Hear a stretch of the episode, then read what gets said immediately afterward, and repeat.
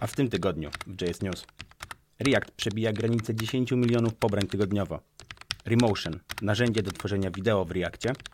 Blitz.js, czyli full-stackowy framework w wersji beta. Edge dostaje Kids Mode oraz Vite 2.0, Dev Server plus Bundler Combo w nowej wersji. Devspresso. Newsy przedstawi dzisiaj Łukasz i Franek. Cześć, witam Was wszystkich w 30 odcinku Devspresso JS News. W tym tygodniu moim gościem jest Franciszek. Cześć Franek. Cześć, cześć, miło mi znowu gościć. Super, ja też się cieszę, że ja znowu mogę być y, hostem i że tym razem Ty możesz być moim gościem. I zacznę hmm. od y, statystyki, może nie newsa, ale statystyki. React właśnie przebił granicę 10 milionów pobrań tygodniowo. Ogromna liczba. To prawda. Jak, jak myślisz, z czego wynika ta popularność Reacta? Wiesz co, wynika z tego, że React is the king, tak? To jest najpopularniejszy framework, e, biblioteka do tworzenia UI, ale też e, z jego mm, jakby to uniwersalności? Ja myślę, z jego uniwersalna... z uniwersalności, tak. Chciałem powiedzieć versatile, a nie wiedziałem jak to jest a. po polsku. Uniwersalność może być uniwersalność. E, tak, tak. E, ja na przykład używam Reacta na co dzień. E, ja jestem React Native deweloperem. Mm, mhm. Wiem, że używam też React Native Weba, czyli używam natywnej, mobilnej wersji Reacta, żeby robić strony internetowe. Tak. Wiem też, że React może się renderować do aplikacji natywnych Windowsowych, macOSowych. E, wiem też, że React znajduje się w rendererach do, e, do virtual reality, do VR, to się nazywa React 360. I mhm. wiem też, że masz dla nas y, newsa o kolejnym rendererze do Reacta. I tak i nie, bo to nie do końca jest renderer taki jak te, które wymieniliśmy, ale jest to konceptualnie jest to coś podobnego, bo w ostatnim w ostatnich tygodniach pojawiło się coś, co nazywa się Remotion i wykorzystuje React do tworzenia wideo. Słyszałem. To znaczy, tak, i polega to na tym, że mamy, tak naprawdę sprowadza się do jednej rzeczy. Mamy hook, który mówi nam, w której klatce jesteśmy, a my wykorzystujemy elementy przeglądarki, czy to będzie canvas, czy to będą po prostu divy, czy to będzie jeszcze coś innego. Na podstawie tego, w której klatce się znajdujemy, tworzymy sobie, mm, tworzymy sobie naszą animację, czy też nie musi to być animacja, no może być to wiele różnych rzeczy, bo mamy tak naprawdę dostęp do przeglądarki, więc możliwości są nieograniczone. I Remotion zajmuje się potem wyeksportowaniem do, do, do tego do pliku MP4 i też pozwala nam podglądnąć w trakcie zarówno dewelopowania, jak i przygotowywania. Trudno nazwać, jaka to jest czynność, ale kiedy przygotowujemy sobie animację, to mamy taki podgląd w przeglądarce, jak ona będzie wyglądać wraz z taką osią czasu, na której widzimy, gdzie poszczególne elementy będą się pojawiać, gdzie będą znikać, więc możemy sobie bardzo szybko i przyjemnie nad tym pracować. Także ty fajnie, mówisz, ty fajnie mówisz, e, cały czas używasz słowa animacja, a to jest wideo, ale to właśnie konceptualnie jest animacja, nie? To, tak. On, to wygląda bardzo podobnie, jak się pisze animację w, właśnie w React Native, korzystając z, z API Animated. E, masz tam, masz tam swoje te e, interpolacje, są jakieś timery, są właśnie e, tutaj w tym Remotion klatki. Mhm. I właśnie Remotion fajnie daje taki cały, cały zbiór elementów, których możesz wykorzystać. To nie jest tylko ten jeden hook do, do frame'a, ale mhm dużo różnych rzeczy.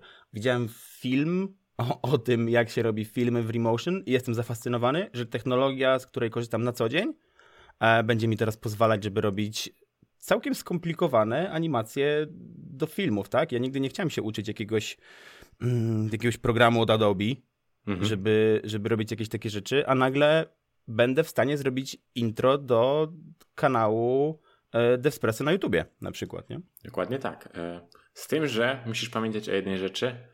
Remotion w odróżnieniu od wielu rzeczy, które powstają dla Reacta, nie jest do końca open source i nie działa na tych samych licencjach. To oznacza, że jeżeli chcesz robić.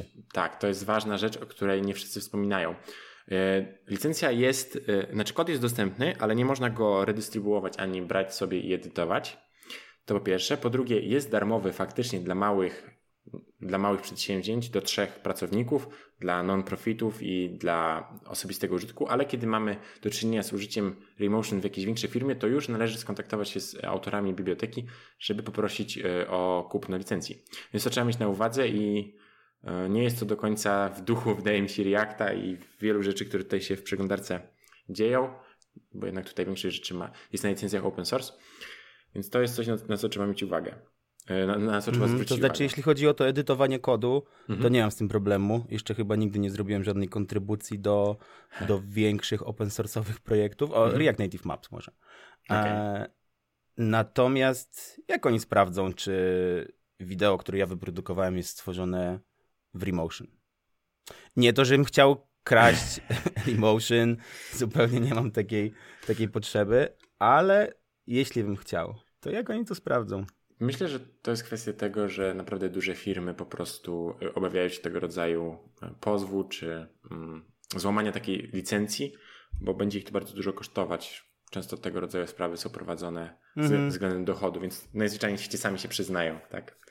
Tak, tak, tak. W dużych korporacjach nie ma, nie ma miejsca na piracki soft. Dokładnie. Dlatego myślę, że w tę stronę zmierza, zmierza Emotion. Jasne.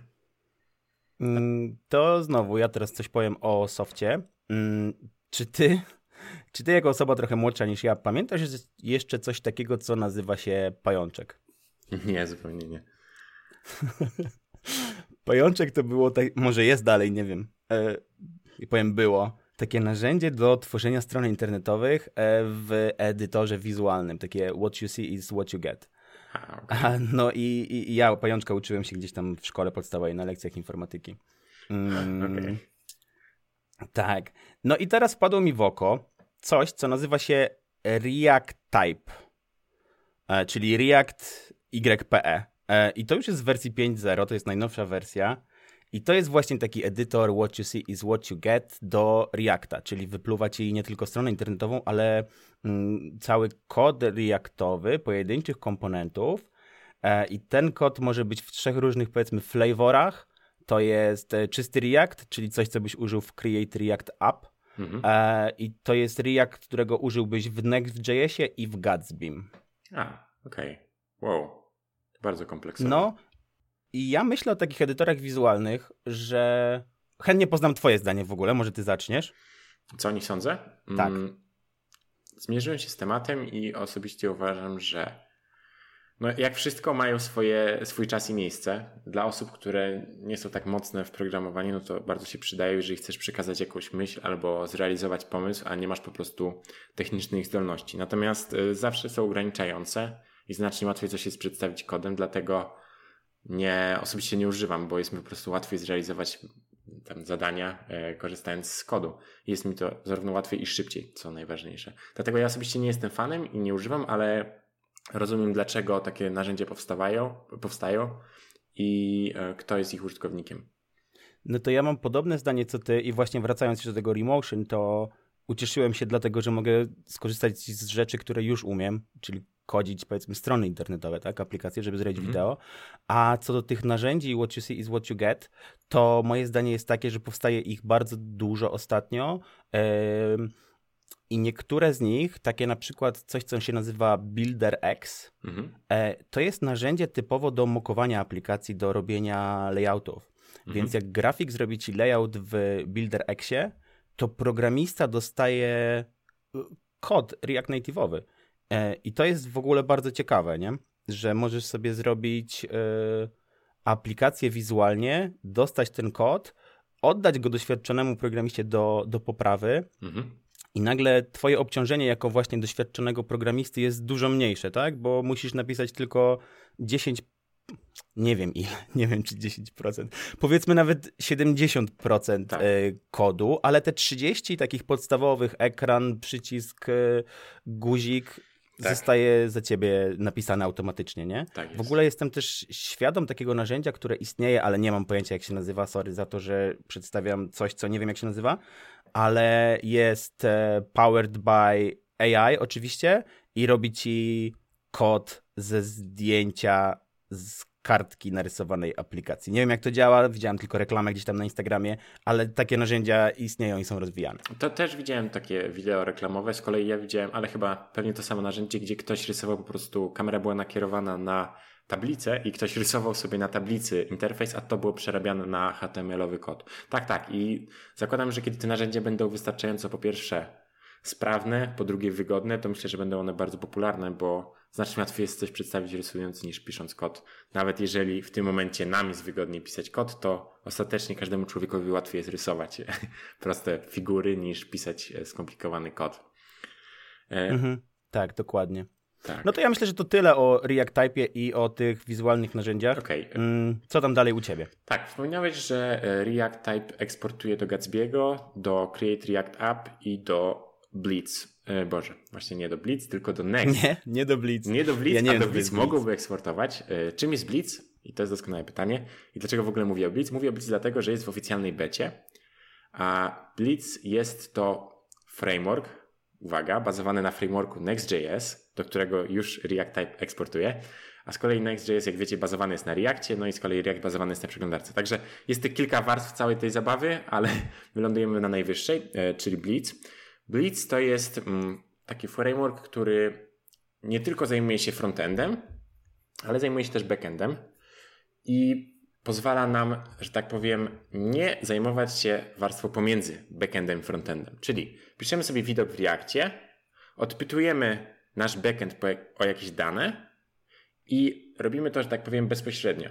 Nie bawimy się w budowanie endpointów, w robienie zapytań do tych endpointów, nie. Robimy z bezpośrednio z kodu, robimy requesty do bazy danych niemalże, czy tam nie do bazy danych, tylko do naszych modeli, które zajmują się bazy danych, ale robimy do tych modeli request, a kiedy buildujemy naszą aplikację w Blitz, to ta warstwa jest wymieniana właśnie na HTTP i dzięki temu nie zajmujemy się w ogóle API. To skraca bardzo to, co wspomnieliśmy wcześniej. Zamiast 100% mamy 70% do pracy, tak? 30%, które jest powtarzalne, czyli pisanie kodu zajmującego się odpytywaniem lub serwowaniem nam danych przez API. To zostaje usunięte przez Blitz. No i oprócz tego zawiera wszystkie tego rodzaju jakieś udogodnienia w stylu SSR czy styli. Wszystko to, co w standardowych frameworkach Reactowych jest, tam też znajdziemy. Tak jak mówiłem, weszło, pojawiła się wersja 0.30, czyli oficjalna beta, a twórcy sugerują, że w e, kwietniu pojawi się już wersja 1.0 produkcyjna. Wiesz co, muszę zajrzeć do tego Blica, bo to, co teraz opowiedziałeś, to brzmi zupełnie jak Next.js. Tak naprawdę tam nie widzę, nie widzę żadnych, e, żadnych nowości w Blitz, w sensie, między Blitz okay, a Next.js. Wyobraź sobie, że e, robisz stronę w Nextie i e, chcesz sobie dołożyć jakiś, e, w sensie dokładasz sobie dane, tak? Czyli masz, załóżmy masz, tylko to musi być bardziej aplikacja real time, e, żeby to mi było łatwiej tłumaczyć. Czyli masz czat, co nie? I napisanie jakby kodu, który zajmowałby się obsługą tego czatu, wyświetlaniem wiadomości, normalnie polegałaby na tym, że po stronie backendu wystawiałbyś endpoint, który byś odpytywał, żeby dostać informacje o czacie. A z kolei na frontendzie napisałbyś fetchem czy innym klientem, gdzie chcesz requestować i dlaczego. No i teraz musiałbyś napisać kod, który requestuje i zapisuje ci to w jakiś sposób na frontendzie te dane, żebyś miał do nich dostęp. Oraz okay, dobra, na backendzie... Kumam.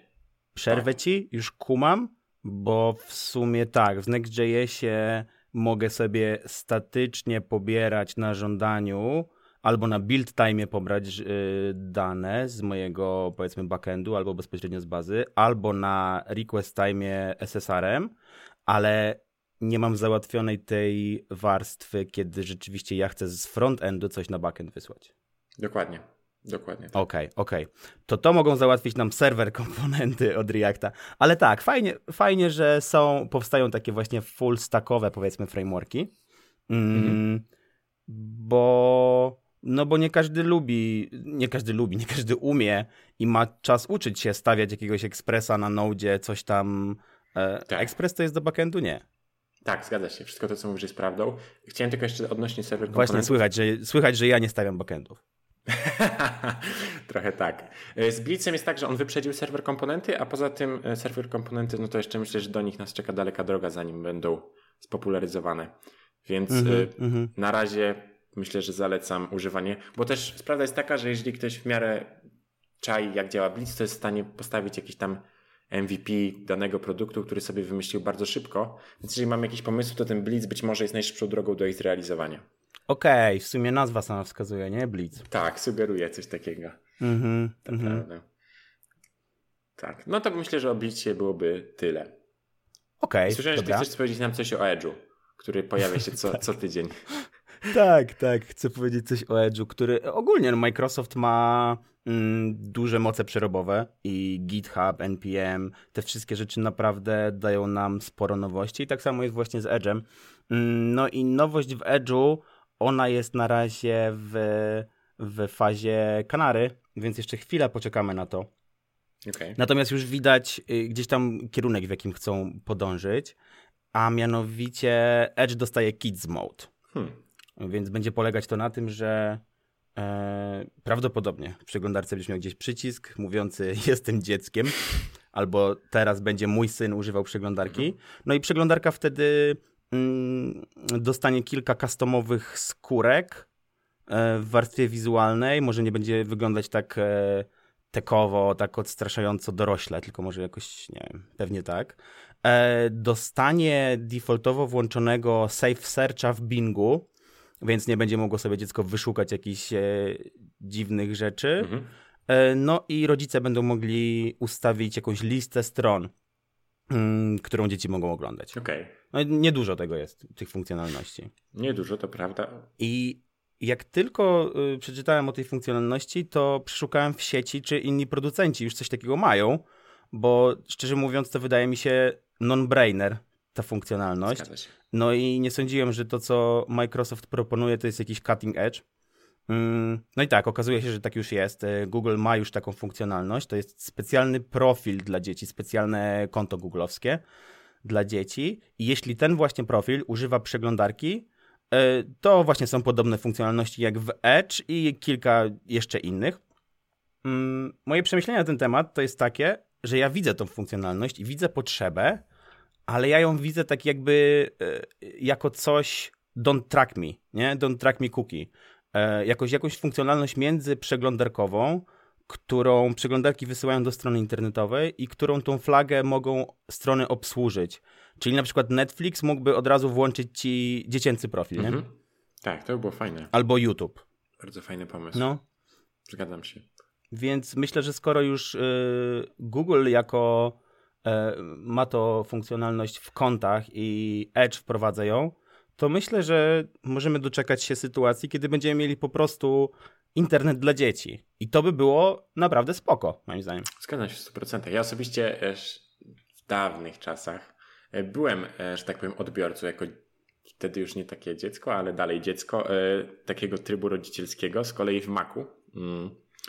W starym Macu było coś takiego, że właśnie były, była kontrola rodzicielska i ona też działała na Safari. I tam były wszystkie rzeczy, które wymieniłeś, a przynajmniej część z nich, znakomita większość, wydaje mi się, były w Safari i można było właśnie limitować strony i tam moi kochający rodzice e, tak, tak robili, aczkolwiek ja szybko przerosłem niestety, czy tam wyrosłem z tej, z tej kontroli, bo okazało się, że tak, tak ograniczenia stron są denerwujące i jakieś to nie działało za dobrze. Były takie dziwne sytuacje, gdzie na przykład ja chciałem sobie wejść na stronę, uwaga, Lego i zobaczyć sobie jakieś nowe klocki Lego, a tam wyskakiwało, że to jest strona niedozwolona dla dzieci i to było w sensie jakiś automatyczny flip. Niedozwolona, bo mógłbyś jakieś pomysły dostać do głowy, jakieś mogłyby cię pomysły dostać, że chcesz jakiś najnowszy zestaw Lego za 3000 zł, no i prawda. twoi mieli tak, problem. Widzisz... To nie był bug, tylko feature. Okej, okay, ale to było tak, że właśnie byłem na tej samej stronie i mogłem oglądać część stron, a tam jakieś jedno Aha. zdjęcie mi się nie wyświetlało i wyskakiwało nagle, że ja tutaj łamię prawo nasze domowe. Okay, Więc to było, okay. Wtedy to nie było jeszcze tak dopracowane. Zakładam, że ta flaga to jest znacznie rozsądniejszy pomysł i bardzo mi się podoba sposób, w jaki na to spojrzałeś.